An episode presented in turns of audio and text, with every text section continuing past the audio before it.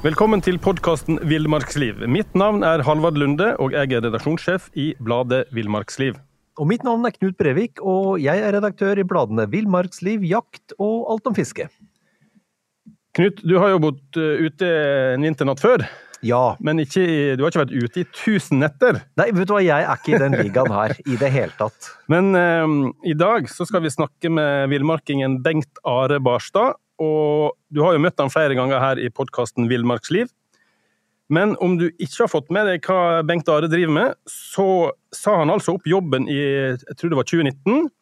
Solgte det meste av sitt jordiske gods, og 11. februar, tror jeg det var, 2020, så starta han et prosjekt som han kalte 1000 dager ute. Og der målet altså var å bo ute i norsk natur i 1000 dager. Det er vel sånn ca. to år og en sju måneder pluss. Eh, Bengt Are, når var god morgen. du Ja, hei.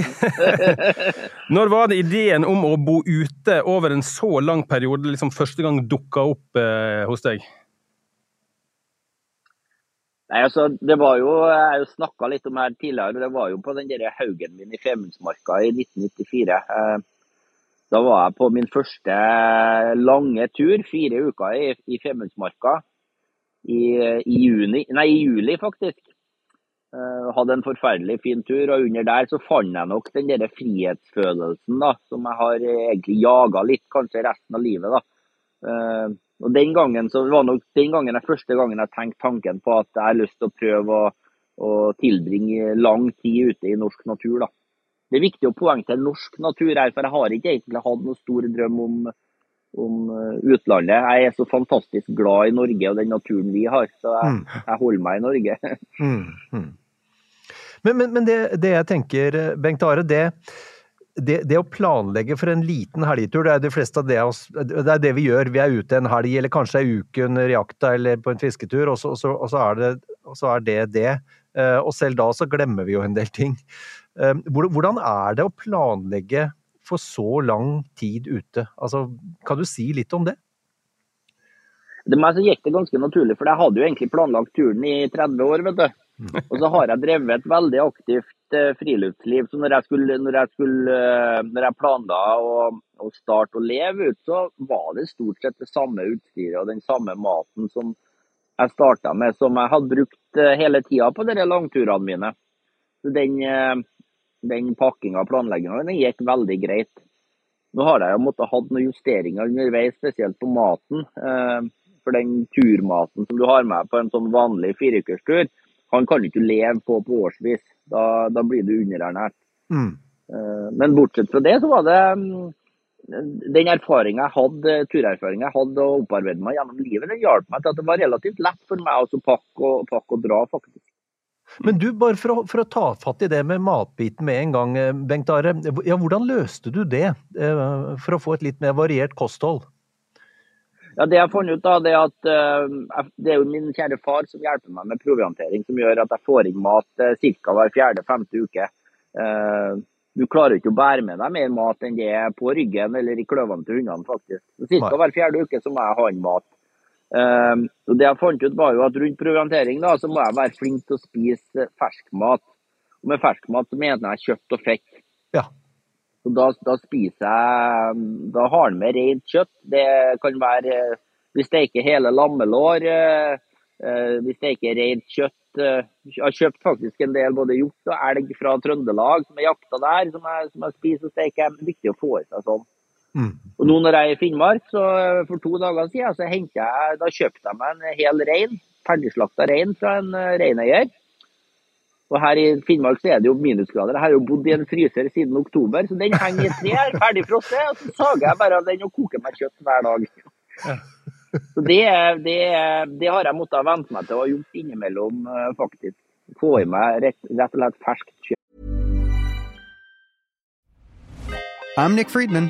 I'm Lee Alec Murray. And I'm Leah President, and this is Crunchyroll Presents The Anime Effect. We are a new show breaking down the anime news, views, and shows you care about each and every week. I can't think of a better studio to bring something like this to life. And Yeah, I agree. We're covering all the classics. if I don't know a lot about Godzilla, which I do, but I'm trying to pretend that I don't right Hold now. it in, hold on.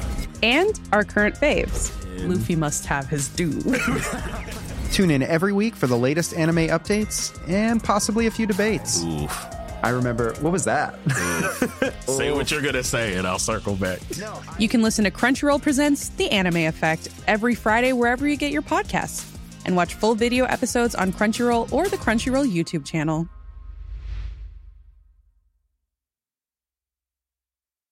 Selling a little or a lot?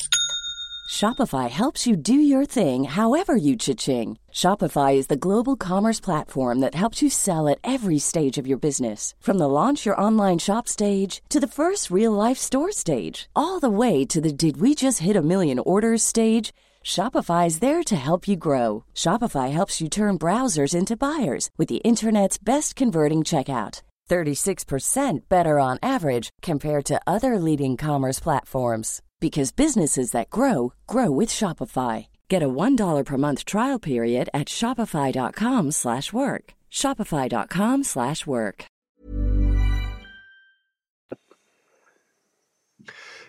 Men jeg tenkte på den timinga di. Den var jo, den var jo upåklagelig, da. Du, du dro ut 11. februar, og 13 dager seinere så stengte jo Norge ned pga. et virus. Hva tenker Ja. du om liksom det vi sagt vi andre har gått gjennom? Du, du slapp jo på en måte lett unna, da. Ja, jeg slapp, jeg slapp egentlig. Jeg slapp jo veldig lett unna.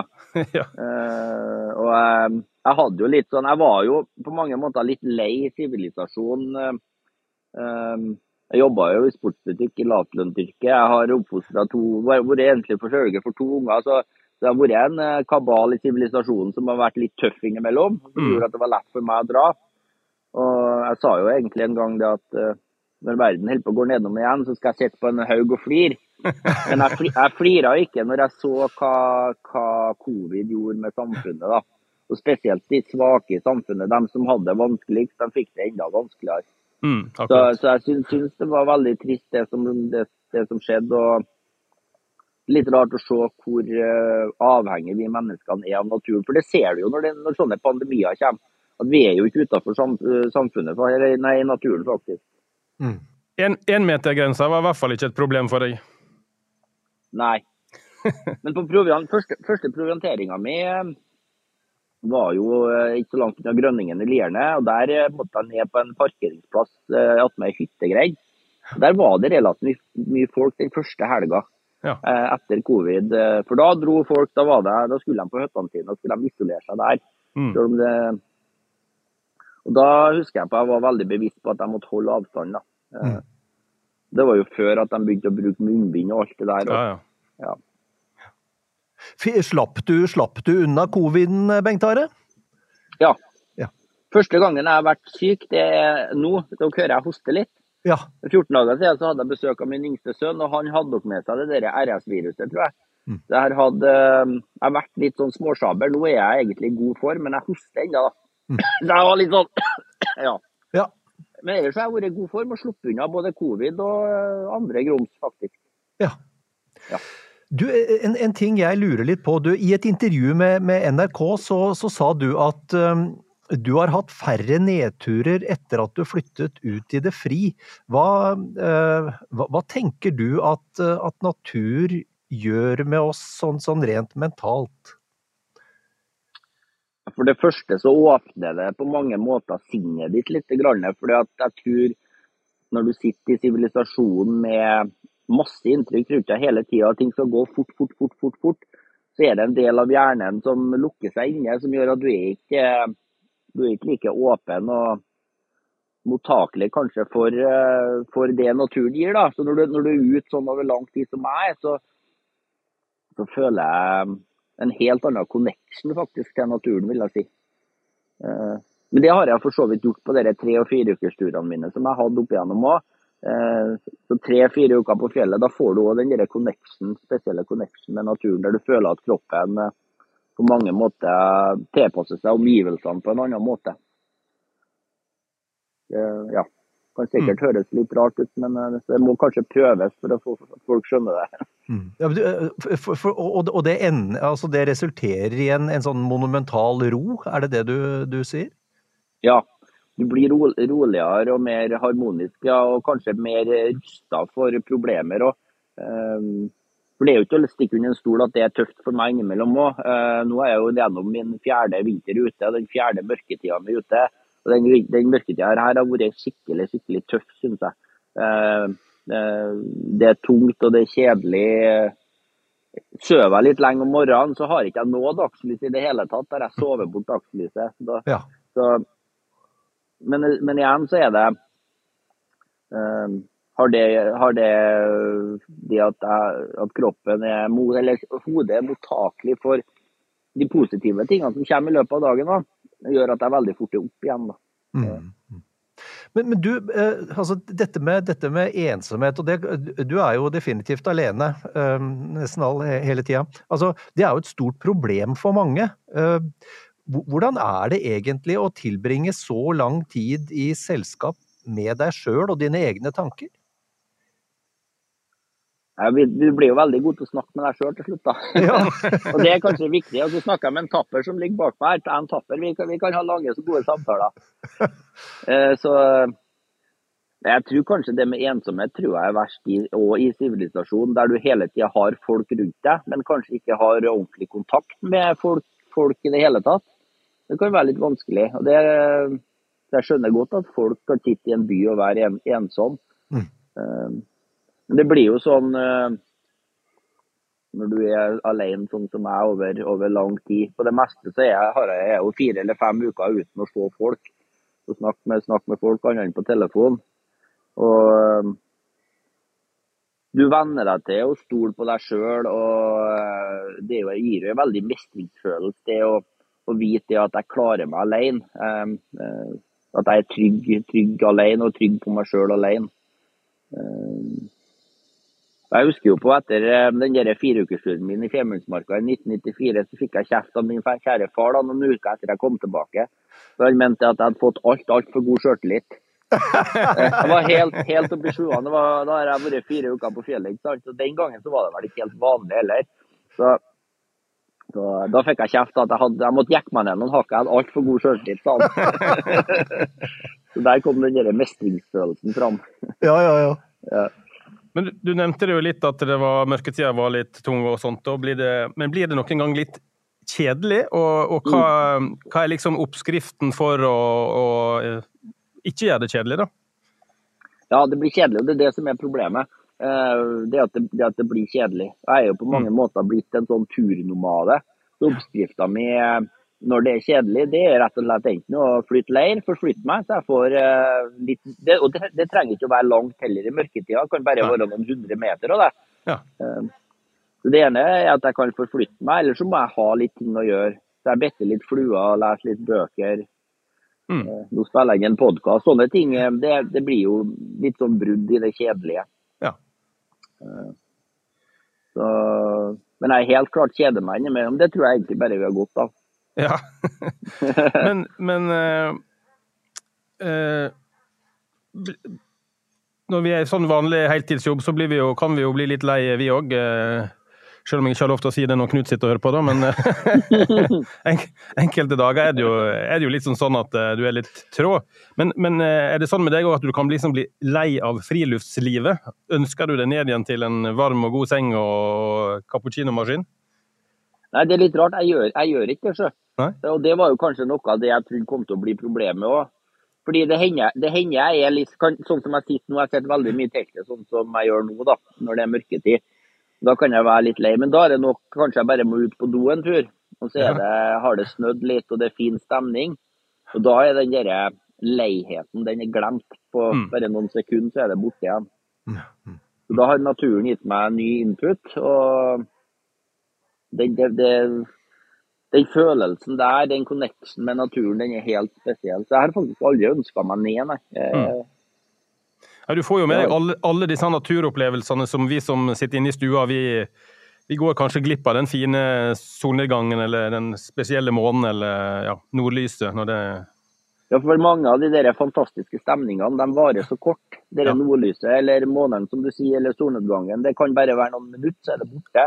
Og når du er ute hele tida, så, så får du med deg veldig mange sånne fine stemninger. Da. Det, det har du rett i. Men det, det er interessant det du, du sier, Bengt Aren, det i forhold til det, det med ro og, og, og, den, hva skal du si, eh, balansen du, du opplever. Fordi det, dette med friluftsliv har jo i stadig større grad blitt en, et fokusområde innen, innen behandling også. Uh, Mm. en, en, enten folk sliter med, med, med, med nerver eller det er rus eller det er andre ting. Altså, friluftsliv som element i behandling har jo stadig blitt viktigere. Og det, Mm. og, det, og- det kan jo vise til helt sånn forbløffende, forbløffende resultater. Det kommer jo av at det, det livet vi lever i sivilisasjonen, det er ikke naturlig for oss mennesker. Og den sivilisasjonen vi lever i i dag, den er, den er kommet så fort. Det er jo bare i løpet av 30 år så har jo livet til folk forandra seg drastisk. Det er klart, eh, det er ikke menneskekroppen og hodet spesielt rusta til, tror ikke jeg. Eh, Og den der urhjernen vår og den connection med naturen, den sitter der ennå. Så det er bare at vi må, vi må pushe oss sjøl og komme oss ut. Og få den derre um, det der inputet da, som, som naturen gir. Jeg brukte jo å si det sånn men når jeg jobba som verst, eh, så brukte jo jeg ungene å ha en sånn langtur hver sommer på tre eller fire uker. Da brukte jeg å si det at på slutten, de siste turene, så sa jeg det at nå er, nå er jeg kommet hjem. Så var jeg hjemme da den måneden når vi var på tur, og så måtte jeg tilbake til sivilisasjonen igjen for å jobbe og få penger, sånn at jeg kunne dra på neste tur igjen. Um, så, så jeg tror eh, Og det har jo egentlig blitt litt av drivkrafta i prosjektet mitt òg, kanskje. Også, også gi folk lyst til å dra ut. For jeg tror at jo mer tid folk bruker i naturen, eh, jo bedre får de det med seg sjøl, jo mer lyst får de eh, til å ta vare på de fine naturområdene vi har. da. Jeg, Ja, apropos det, så jeg leste en sak her forleden dag, og da hadde de funnet ut at et voksent menneske i snitt, nå eh, utsatt for alle de inntrykka vi er, klarer å holde på konsentrasjonen i 47 sekunder. Og så må vi sjekke telefon eller gjøre noe annet. Eh, Det er ganske betegnende. Ja. Det, det, det, så, sånn er sivilisasjonen blitt. Og det er bare, det, bare de siste fem årene så er det, så er det også blitt mye verre. Um, så, og det er- det er jo litt rart, fordi det går jo mange historier om urbefolkning som ikke er til å stole på når det gjelder tid. ikke sant? At, at uh, Avtaler du eh, tidspunkt med en gammel reineier, så må det kan hende du måtte vente på dagevis før han kommer. Og når du spør han hvorfor holdt du deg til tidspunktet, så sier han det at Nei, jeg, jeg kommer når jeg kommer, eller det var for dårlig vær, jeg måtte vente på. Um, og jeg er jo blitt sånn at denne klokka Det var når jeg skulle hente den reinen som jeg kjøpte kjøpt noe av. Ja, Han ville jeg skulle komme med én gang, og da kjente jeg det at eh, det, det var litt stressasamt. Å forholde seg til det at nå må jeg, nå må jeg, nå må jeg være på fjellstua klokka seks. ja, ja. ja. Eh, Du får et helt annet, et, et annet perspektiv på det med tid. Eh, Koble helt ut det med tida. Mm. Jeg har jo ikke klokke på meg annet enn på, enn på telefon, og utrolig sjelden jeg ser på den klokka. altså. Fantastisk. Ja. Men eh, Bengt Are, det er jo ingen hemmelighet at du, um, du kom jo i mål med dette tusendagersprosjektet ditt i eh, desember, var det vel? Nei, november. 7. november. 7. november var det, ja. ja. Ja, faktisk. ja. Men eh, du har altså brukt 1000 dager fra Trøndelag til Finnmark. Så du har jo du har hatt god tid. Kan du fortelle litt om ruta du har tatt? Ja, ruta er egentlig litt sånn utradisjonell kanskje i forhold til, til i hvert fall dem som går Norge på langs. da. Jeg skal si litt om Norge på langs litt senere. Eh, Jeg starta på Tomtvatn i Levanger, som ligger, det ligger jo litt ut mot kysten, midt i Trøndelag ca. Mm. Og så tok jeg meg nesten inntil svenskegrensa, fulgt svenskegrensa nordover. og Da passerer du jo Innsvatnet først, og Vera i Trøndelag. Um, og så, er, så kommer du til inngangen av Skjækerfjellene. Mm. Der valgte jeg den utradisjonelle ruta å gå, gå østsida, da, altså langs svenskegrensa. Da passerer du relativt fort Gaundalen, da, som er en sånn fjell, øde fjellgård inni der. Jeg var ikke nede på fjellgården, jeg passerte ganske langt opp i Gaundalen. Mm. Og så var det Lierne, da. Der oppholdt jeg meg jo siste del av vinteren. Det var jo når covid starta. Da var jeg kommet til, til Lierne. Og fra Lierne så passerte jeg jo Kvesjøen og Tynnsjøen og Tynnsjøflyene eh, på, tur, på tur nordover. Må jeg tenke meg litt om da, hva, hva som skjedde etter Tynnsjøflyene. Jo, der, der, der, der gikk jeg gjennom et lite fjellområde som heter for Tromsfjellene. Som egentlig er et sånt, eh, det er en plass der jeg tror ikke er noe mye Det var helt, helt øde, så ikke spor etter mennesker i hele tatt. Um, der er kanskje ikke helt vanlig å gå. Der hadde vi noen fantastisk fine opplevelser. Hundene var helt, helt alene. Mm. Og så var det jo Børgefjell, da. Der var jeg jo helt til det ble vinter. Og så hadde jeg overvintring første overvintringa i Hattfjelldalen. Og der lå vi jo faktisk helt til mars, før vi begynte eh, ruta videre nordover med ski og pulk. Da Da passerte vi Ombukta rundt påsketider. Så ble det Saltfjellet når det begynte å nærme seg vår. Hadde fantastisk fin eh, tid oppe på Saltfjellet, for jeg tima det med godværet. Da jeg gikk over Saltfjellet, det bare, bare godvær omtrent. Og så møtte vi våren da nesten attmed Beiarn. Og så gikk vi ned da via et av mine barndoms naturområder, ned til Gildeskål, der, der, jeg, eh, der jeg begynte å ta i bruk nordlandsbåten min. da. Ja. Fra Gildeskål til Malangen i Troms da, så seila vi nordlandsbåt. Eh, eller vi rodde mest, da, for når det er godvær langs kysten, så er det nordavind. Ja. det er sånn man egentlig bør sjekke ut på forhånd. Ja. Og tips til alle som skal seile i ro langs kysten. Ro fra nord til sør, ikke fra sør til nord. og det vet jo folk som er mye på kysten. da. Men jeg hadde fire, fire måneder på sjøen ja, fra Gildeskål til Malangen. Det var helt fantastisk, eh, fantastisk naturopplevelse.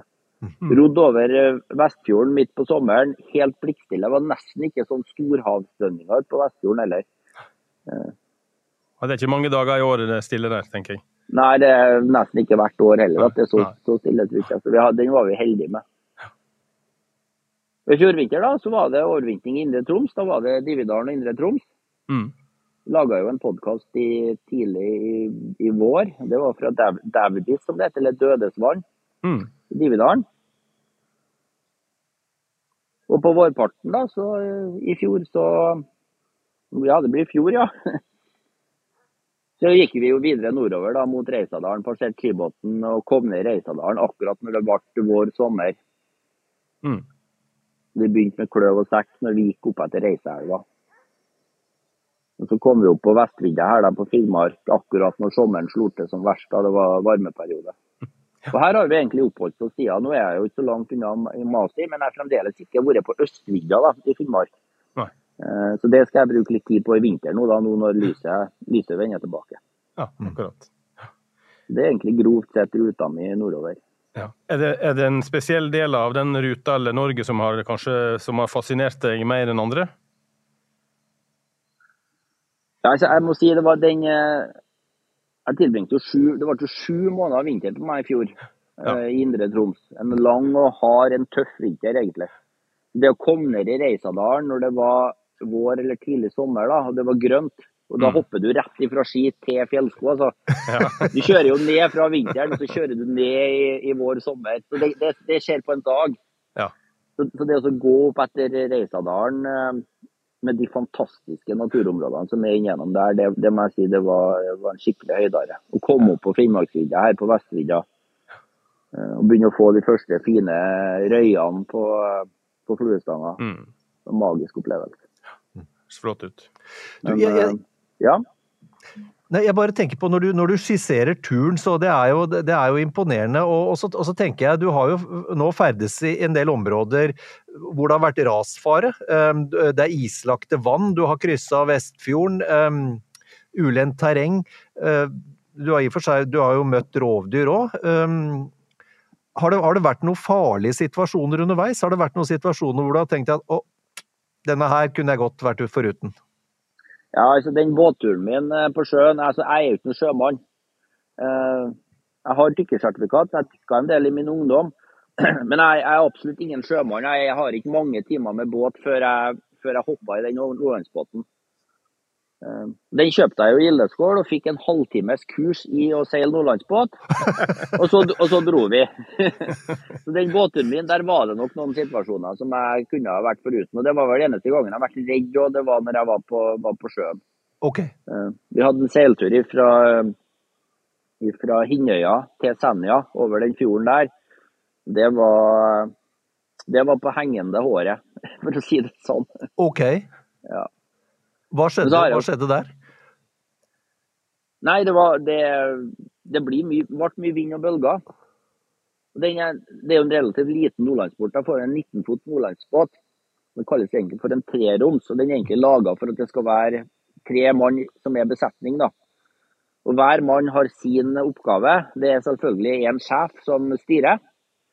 Og så er det en som har ansvaret for å ause. For de leker litt, de båtene, og det gjorde mine òg. De leker som en sil på slutten. Ja vel. Og så han Sistemann har rett og slett oppgave å følge, på, følge med bølgene som kommer bakfra. For tar du bølgen bakfra, han kommer litt skjevt, så velter du. Ja. Eh, Men jeg var jo bare én, så jeg måtte gjøre alle de tre oppgavene der samtidig over. da. Så du skjønner. Oh. Og så, så seiler jeg jo med det som heter for sneseil. Da Da holder du, seil, du holder snora i seilet ene handa i tillegg. Du har egentlig ei hand på roret og ei hand på seilet. Og Da skjønner du at det kan bli litt kilt, eh, spesielt når båten holder på å fylles med vann i tillegg. Normally, being a little extra might be a bit much, but not when it comes to healthcare. That's why United Healthcare's Health Protector Guard fixed indemnity insurance plans, underwritten by Golden Rule Insurance Company, supplement your primary plan so you manage out of pocket costs. Learn more at uh1.com. Hey, I'm Ryan Reynolds. Recently, I asked Mint Mobile's legal team if big wireless companies are allowed to raise prices due to inflation. They said yes. And then when I asked if raising prices technically violates those onerous two year contracts, they said, What the f are you talking about, you insane Hollywood ass? F- So to recap, we're cutting the price of Mint Unlimited from $30 a month to just $15 a month. Give it a try at mintmobile.com slash switch. $45 upfront for three months plus taxes and fees. Promo rate for new customers for limited time. Unlimited more than 40 gigabytes per month. Slows. Full terms at mintmobile.com.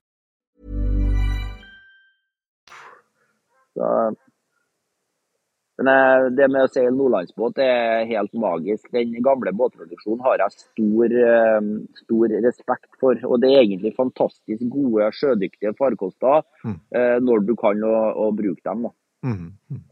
Så jeg tror nok det var båten sin sjødyktighet som gjorde at det, det gikk så bra med oss på sjøen. Ja, ja. Det, det er litt sånn morsom det greie, det der med, med, med den nordlandsbåten og, og færinger og Altså, vi- for vi snakker jo om en, en produktutvikling som sannsynligvis har foregått over flere hundre år her, hvor de har fintuna konseptet nordlandsbåt. Ja. Frem, ja, de har, de har gjort det, og fremdeles så kan du eh, Hvis du skal bygge en ny en i dag og du har litt spesialbehov, så kan de, de gode båtbyggerne i Norge i dag de kan fintune til deg. Eh, faktisk. Så, eh, så det er en veldig, veldig spesiell eh, Det er så artig med dem når, du får, når det er ordentlig vind, og du får, det, for de går fort også. Det er skikkelig fart på dem når det, når det er bra vind. Um, så det er veldig sjødyktige, gode farkoster. Ja, men um, det er jo ikke noe djup kjøl på dem, så de velter lett. da. Så De er jo kalt for the widowmaker. Uh,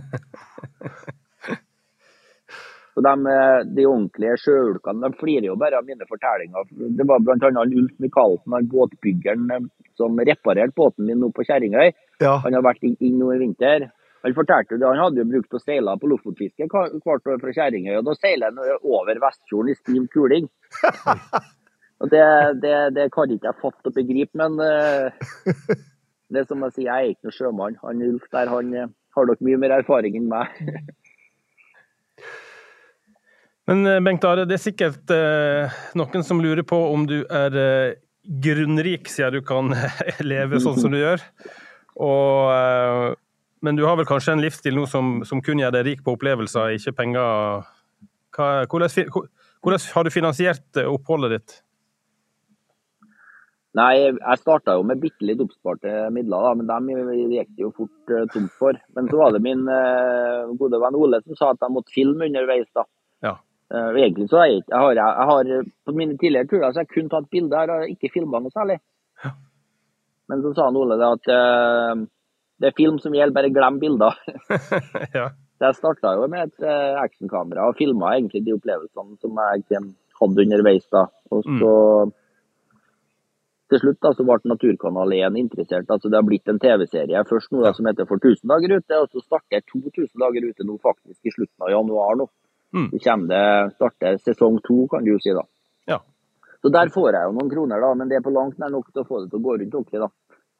Men så har jeg en eh, privatsponsekanal som heter for Patrion. Eh, Ja. Det er bare å søke på 2000 dager ute, så finner folk det. Og Der legger jeg ut en månedlig oppdatering, og der kan folk sponse meg med egentlig så mye eller så lite som, som de vil. Så der har jeg òg noen kroner, da. Og det er nok Pa- Patrion som har redda meg, som har gjort at jeg av og til kan ha det litt mer komfortabelt. Ja. Men jeg har hatt perioder der jeg omtrent ikke har hatt mat. Og, men det er som jeg sier, det er litt av gamet på turen her òg. Mm. Ingen av oss har vondt av å eh, gå litt sulten innimellom, eller, eller føle på det at nå har jeg litt dårlig med ressurser. Så lenge du vet at det kommer inn i framtida. Mm. Uh, og det, jeg må jo si de beste matopplevelsene mine, det er jo når jeg hadde sånne perioder med litt dårlig med mat og dårlig Mm. med ressurser. og så kommer du på et isfiskevann, så får du mange fine ørreter og vet at nå har jeg mat i ei uke framover og kan Ja. kose meg. Og det, den, den følelsen der, den eh, vil jeg ikke ha gått glipp av. altså. Nei. Så jeg har noe, jeg har ikke noe vondt av å ha det litt knagert, for å si det sånn. Ja. Og alle de episodene på Naturkanal 1 de ligger kanskje ute på nettet eh, en plass? Legg ut på, på natur, naturkanal1.no. Ja. Der ligger det fra, fra dag 1 og fram til dag 1000. Og så kommer som sagt eh, Det blir jo kronologisk alt, også 2000 dager ute. Så det, Mm. vi fortsetter nå i slutten av, slutten av januar. Det er god, god underholdning, kan jeg bekrefte. da. Ja, noen syns det er bra. Jeg tror de fleste, fleste syns, syns at det, det har blitt, blitt bra. Ja. Det har nok veldig mye med dem som redigerer å gjøre òg. Men jeg filmer veldig mye, da. Vi har et kjempestort materiale å ta av. En en ting jeg tenker på, eh, Bengt Are, og vi skal snakke litt mer om den 2000-dagers-prosjektet òg, men, eh, men, men nå, nå har du jo altså øh, eh, eh, tilstedeværelse på, på, på Naturkanal 1. Du har vært i, i flere podkaster, du skriver artikler for, for Villmarksliv. Du har en, eh, har en ganske stort tilstedeværelse, og du er eh, et forbilde for veldig mange. Hva, hva, hva tenker du om, om den biten av det? Ja, det, er akkurat det forbildet det er jo kjempeskummelt, uh, synes, syns jeg. da. Og det er kanskje enda skumlere i dag enn hva det var for 20 år siden.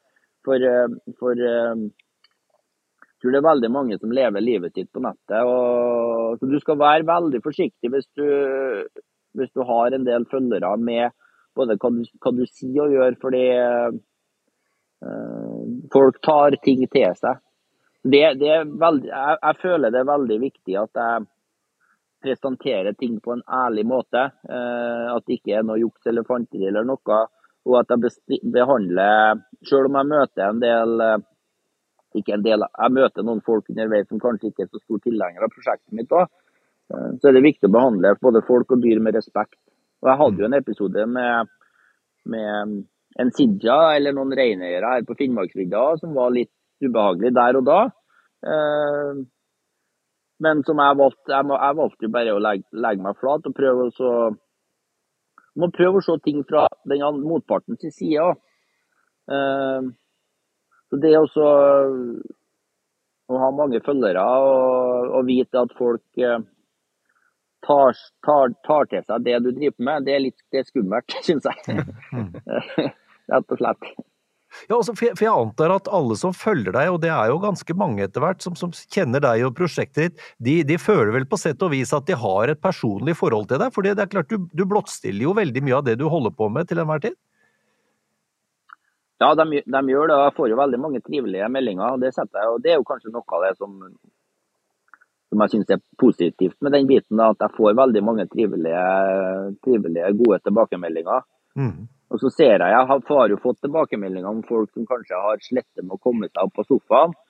Eh, kanskje føler, har de følt sjøl at de har vært litt dårlig ved overvekt og dårlig form. Og så har, har prosjektet mitt gjort at de har kommet seg ut da, og kanskje kunne starta en litt mer aktiv livsstil. Og det, det syns jeg jo er, det er jo kjempepositivt.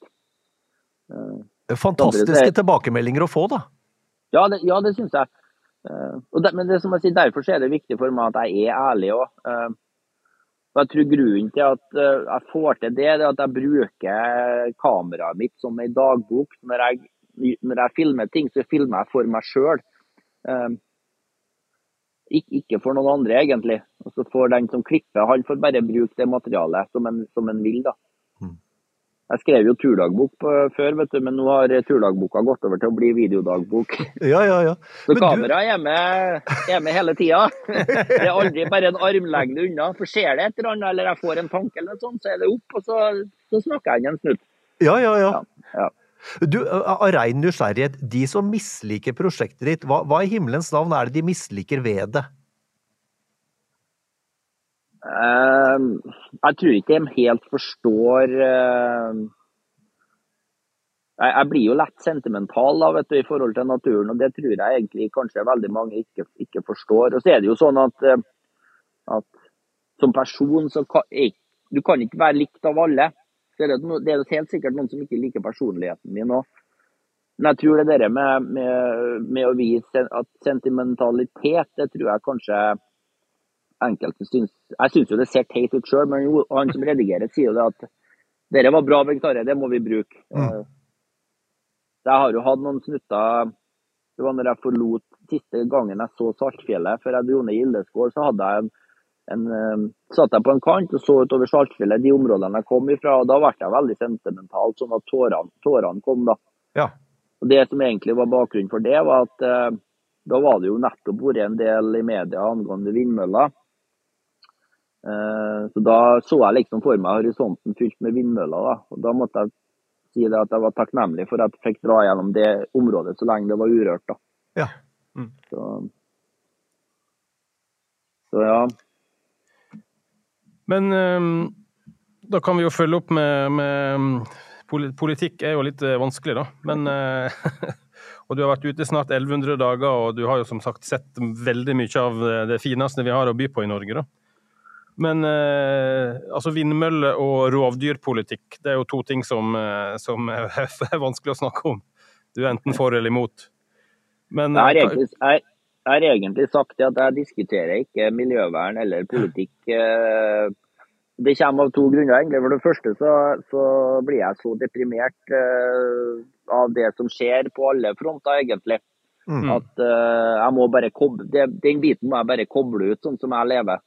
Det andre ting at jeg har jo vært, det er jo en god stund siden jeg har vært i sivilisasjonen, så jeg føler egentlig at eh, Jeg føler meg litt på utsida av den diskusjonen, for å si det sånn. Mm. Mm. Men akkurat den miljø...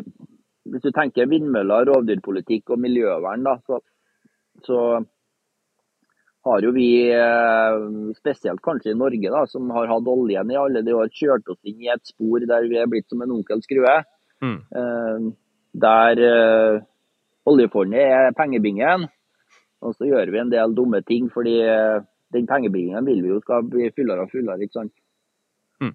Så, så lenge vi eh, menneskene eh, måler alt i kroner og øre, så tror jeg det er veldig lite vi kan gjøre med den utviklinga som skjer. Mm. Og Derfor så er det jo veldig viktig for meg den formidlinga som, som, jeg prøver å gjøre, da, som jeg snakka om litt tidligere. og det, mm. det med å få folk ut i norsk natur. Altså i norsk natur, bruk den norske naturen, sånn at folk blir glad i den og får lyst til å ta vare på den. Det tror jeg kanskje er mitt viktigste bidrag i den miljøkampen som vi egentlig, egentlig har. Mm. Ja, du, du, viser jo fram på en måte det vi kan tape, da. Mm. Hvis vi er feil valg. Men så går det mye på kunnskap òg. Jeg, ja. jeg, tror eh, begge mine foreldre er jo gamle lærere. De jobber faktisk, de er pensjonister, men jobber ennå som lærere. Um, og Jeg spør dem jo hvor mye biologi er det i skolen, hvor mye kunnskap, naturkunnskap er det i skolen. Den er helt borte. Ja. Mm. De lærer om fornybar energi og om vindmøller. Det er det ungene lærer om i dag. Og Så mm. spør du en, en videregående-elev i dag forskjell på ei fjellrype og ei lirype, så vet de det ikke. De, ingen som har lært dem det. Det er klart, Når de mangler kunnskapen, så mangler de òg noe av den bakgrunnen for hvorfor skal vi ta vare på, på mm. naturen. Mm. Mm. Ja, bra poeng. Den kun, kunnskapsformidlinga eh, den tror jeg må, den tror jeg også er viktig. da. Men det er det jo mange som er gode på, ikke bare meg. da. Ja, absolutt. Men du, litt tilbake igjen til, til prosjektet ditt her. altså 1000 dager var jo mål én, og så ble det 2000 dager. Men, eh, men eh, du, du, kom ikke på det med 2000 dager den eh, sa, 7. november? Det, Nei, jeg, jeg gjorde ikke Når tid var det du hadde den tanken slo deg at du, du tok 1000 dager til? Jeg satt i Dividalen, jeg husker situasjonen, og da, da var jeg egentlig litt sånn sentimental. For jeg syns tida har gått så fort. Da hadde jeg ca. et år igjen da, av 1000 dager ute. Og så tenk, tenk, begynte jeg å tenke på hva gjør jeg da? Og så så jeg for meg sjøl her oppe i Finnmark da, at min kjære far kom med bilen, og jeg heiv inn hundene og utstyret, og så skulle vi kjøre hjem til Trøndelag. Da, og da ble jeg egentlig veldig trist. Så da fant jeg ut at, uh, at uh, det, det, det, det, går bare ikke. Så da, da, da, bestemte jeg meg rett og slett for at jeg skal bare fortsette. da. Og så For ja. å ha en ramme rundt det, da, så sa jeg 2000 for jeg skal prøve, prøve, å være ute i 1000 dager til. da. Men jeg har det hårete målet mitt egentlig å prøve å være ute i seks år. da. Det er litt over 2000 dager. da. Ja. Seks år på tur. Da, da tror jeg jeg skal klare å se mesteparten av den norske naturen. Ja. For du tenker, du tenker deg etter hvert sørover igjen, du? Ja, nå har jeg, skal jeg utforske Finnmark eh, fram til slutten av mars ca. Og så mm. setter jeg snuten sørover igjen. Ja. Og så prøve å gå gjennom en del uh, områder som jeg ikke har vært gjennom ennå. Og kanskje ja. prøve å Saltfjellet f.eks. gikk jeg over når det var vinter. Kanskje mm. gå Saltfjellet når det er sommer f.eks. Ja. Prøve å snu litt på årstidene i tillegg. Ja. Uh, det ut som en god plan. Ja, det, det, det er grovplanen. Så får vi se det er hodet og vær og vind og fiske og jakt som bestemmer. Ja. Er det bra fiske i et område, så blir jeg ofte, ofte lenger der da enn hva jeg trengte. Jeg lå jo på et veldig lite område her på slutten av sommeren f.eks., for, eksempel, for det var så bra fiske. Du har jo allerede nevnt eh, foreldrene dine og han Ole. Mm. Du er jo liksom avhengig av et støtteapparat for å få det her til å gå rundt, da? Utgangspunktet i Norge i dag så du, skulle jeg klart det her relativt greit sjøl. Men det betyr at jeg måtte innom sivilisasjonen i ny og ne og proviantere. ikke sant? Så det at min kjære far har muligheten til å, å komme og kjøre sånn som han har gjort, det har jo gjort at jeg slipper det. Og det, ja. det syns jeg jo er veldig godt, da. Mm.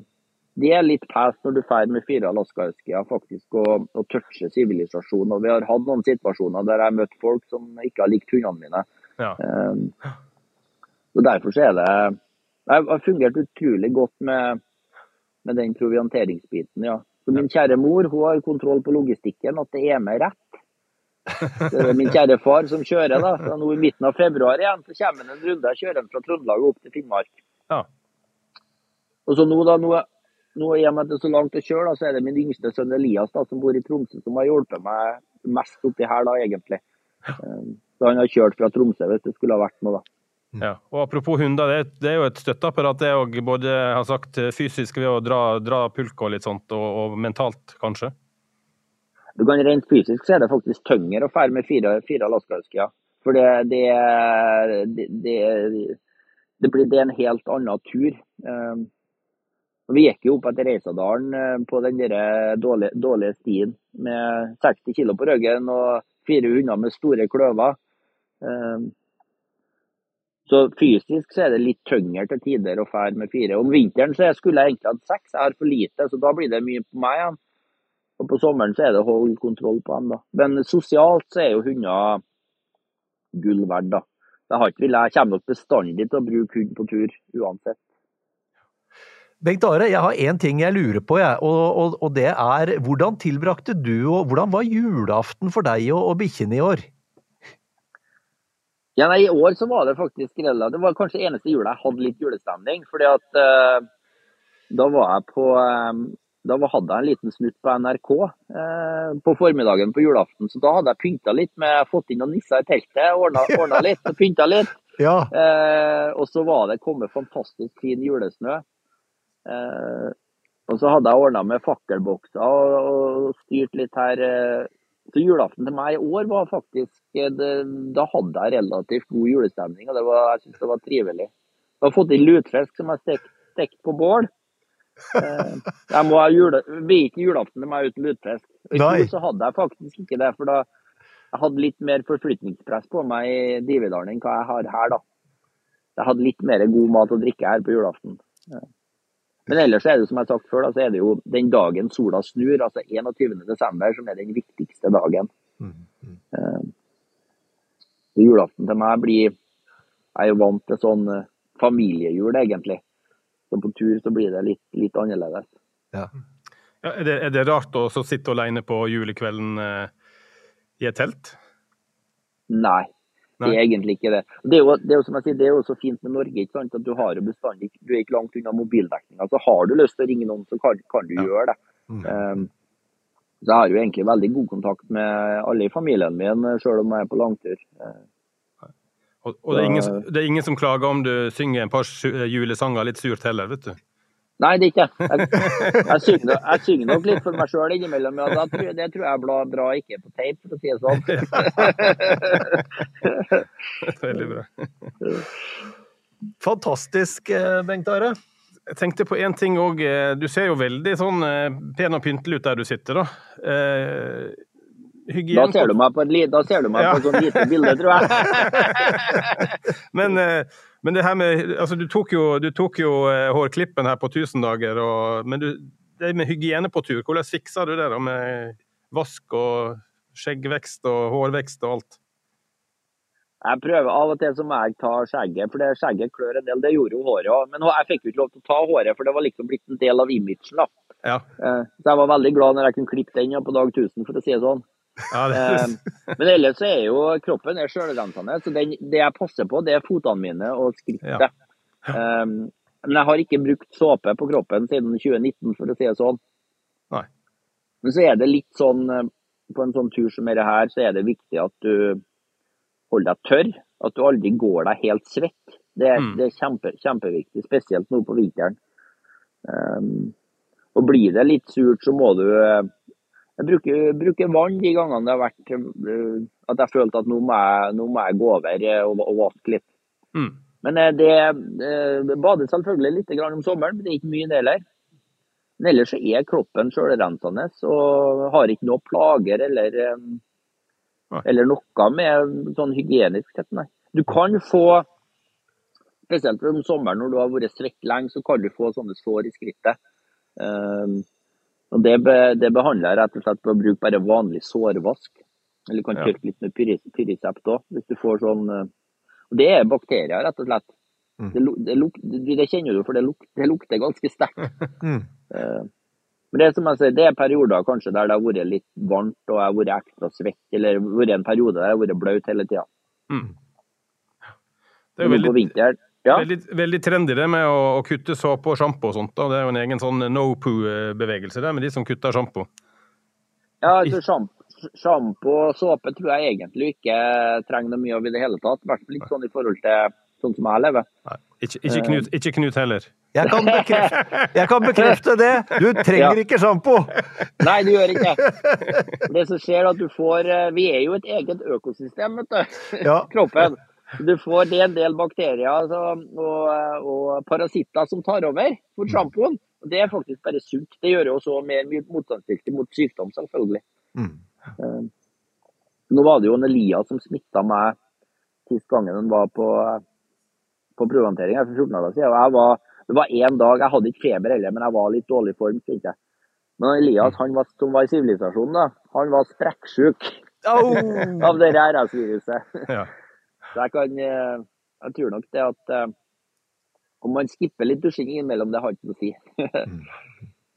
For meg så høres det ut som du har det bra, altså.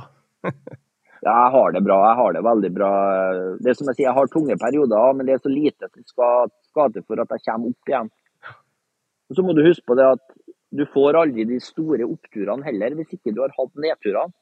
Hvis livet hele tida er flatt, så får du ikke opp, oppturene. Så, Så, så nedturene er like viktige som, som oppturene. Så det er lov til å sitte eh, altså, Sett sånn som jeg gjør nå og tenke at nå, nå er det fader meg kjedelig. Altså, nå er jeg lei at det er mørkt ute. Nå Ja. gleder jeg meg til det.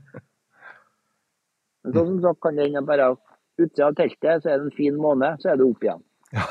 Så, så kropp, kroppen og hodet venner seg til noen sånne skyvtrikk som gjør at du får hodet opp igjen. Det er viktig. Mm. Jeg bruker jo, du ser jo her, jeg bruker jo teen teen min, den har jeg snakka mye om, da. Uh, røkt, røkt te. Det er én kopp, kopp god te, røkt te, det er nok til å få meg opp igjen. Ja, ja, ja. Skal lite til. Du, jeg tenker på noe, du nærmer deg jo eh, altså, Du har begynt på et 2000-dagersmål, og så, og så eh, Altså Hvis du fullfører det, tenker du Du snakket jo om seks år. Tenker du bare på å fortsette inn i, inn i evigheten med å bo ute? Tenker du at du må tilbake til sivilisasjonen en eller annen gang? Altså, jeg har jo en drøm om både å skrive bok, og så, så jeg har jo allerede folk som maser på foredrag. Så jeg, har, jeg, jeg blir nok aldri å dra helt ned til sivilisasjonen, men jeg blir nok å bruke kanskje et, et års tid i hvert fall, der det blir litt annet turliv enn det jeg driver nå. Der jeg har en del foredrag og kanskje prøver å skrive, skrive fra meg det jeg har lyst til å skrive. og eh, ja. Men jeg har jobbet med et prosjekt i hodet som kalles, som er arbeidstittelen er mitt aller siste eventyr. Jeg skal ikke røpe noe mer om det, men jeg er nok ikke ferdig med Jeg tror nok mitt største eventyr foreløpig det ligger foran meg i framtiden. Det er jo en, en positiv livsinnstilling, det, tenker jeg også.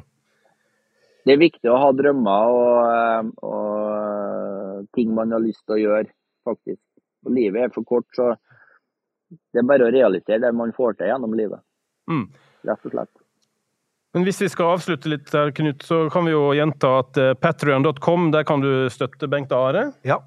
Det oppfordrer vi jo selvfølgelig alle til. Og eh, hvis du vil høre mer av Bengt Are, så er det å gå inn på podkasten villmarksliv.no. Der går det an å søke fram eh, alt vi har gjort sammen. Så da eh, skal vi bare si eh, takk for praten, Knut. Ja, takk for en hyggelig, hyggelig prat, og så ønsker jeg deg eh, fortsatt god tur. Ja, takk. Det er ro- rolig tur foreløpig, men eh, nå er jo sola så vidt kommet oppover horisonten her, så det går ikke så veldig lang tid før vi skal begynne å forflytte oss ordentlig igjen. Da blir det rypejakt, og så blir det røyefiske på Finnmarksvidda. Fantastisk. Bra plan. Takk for praten, Bengt Are. Ja, tusen takk sjøl.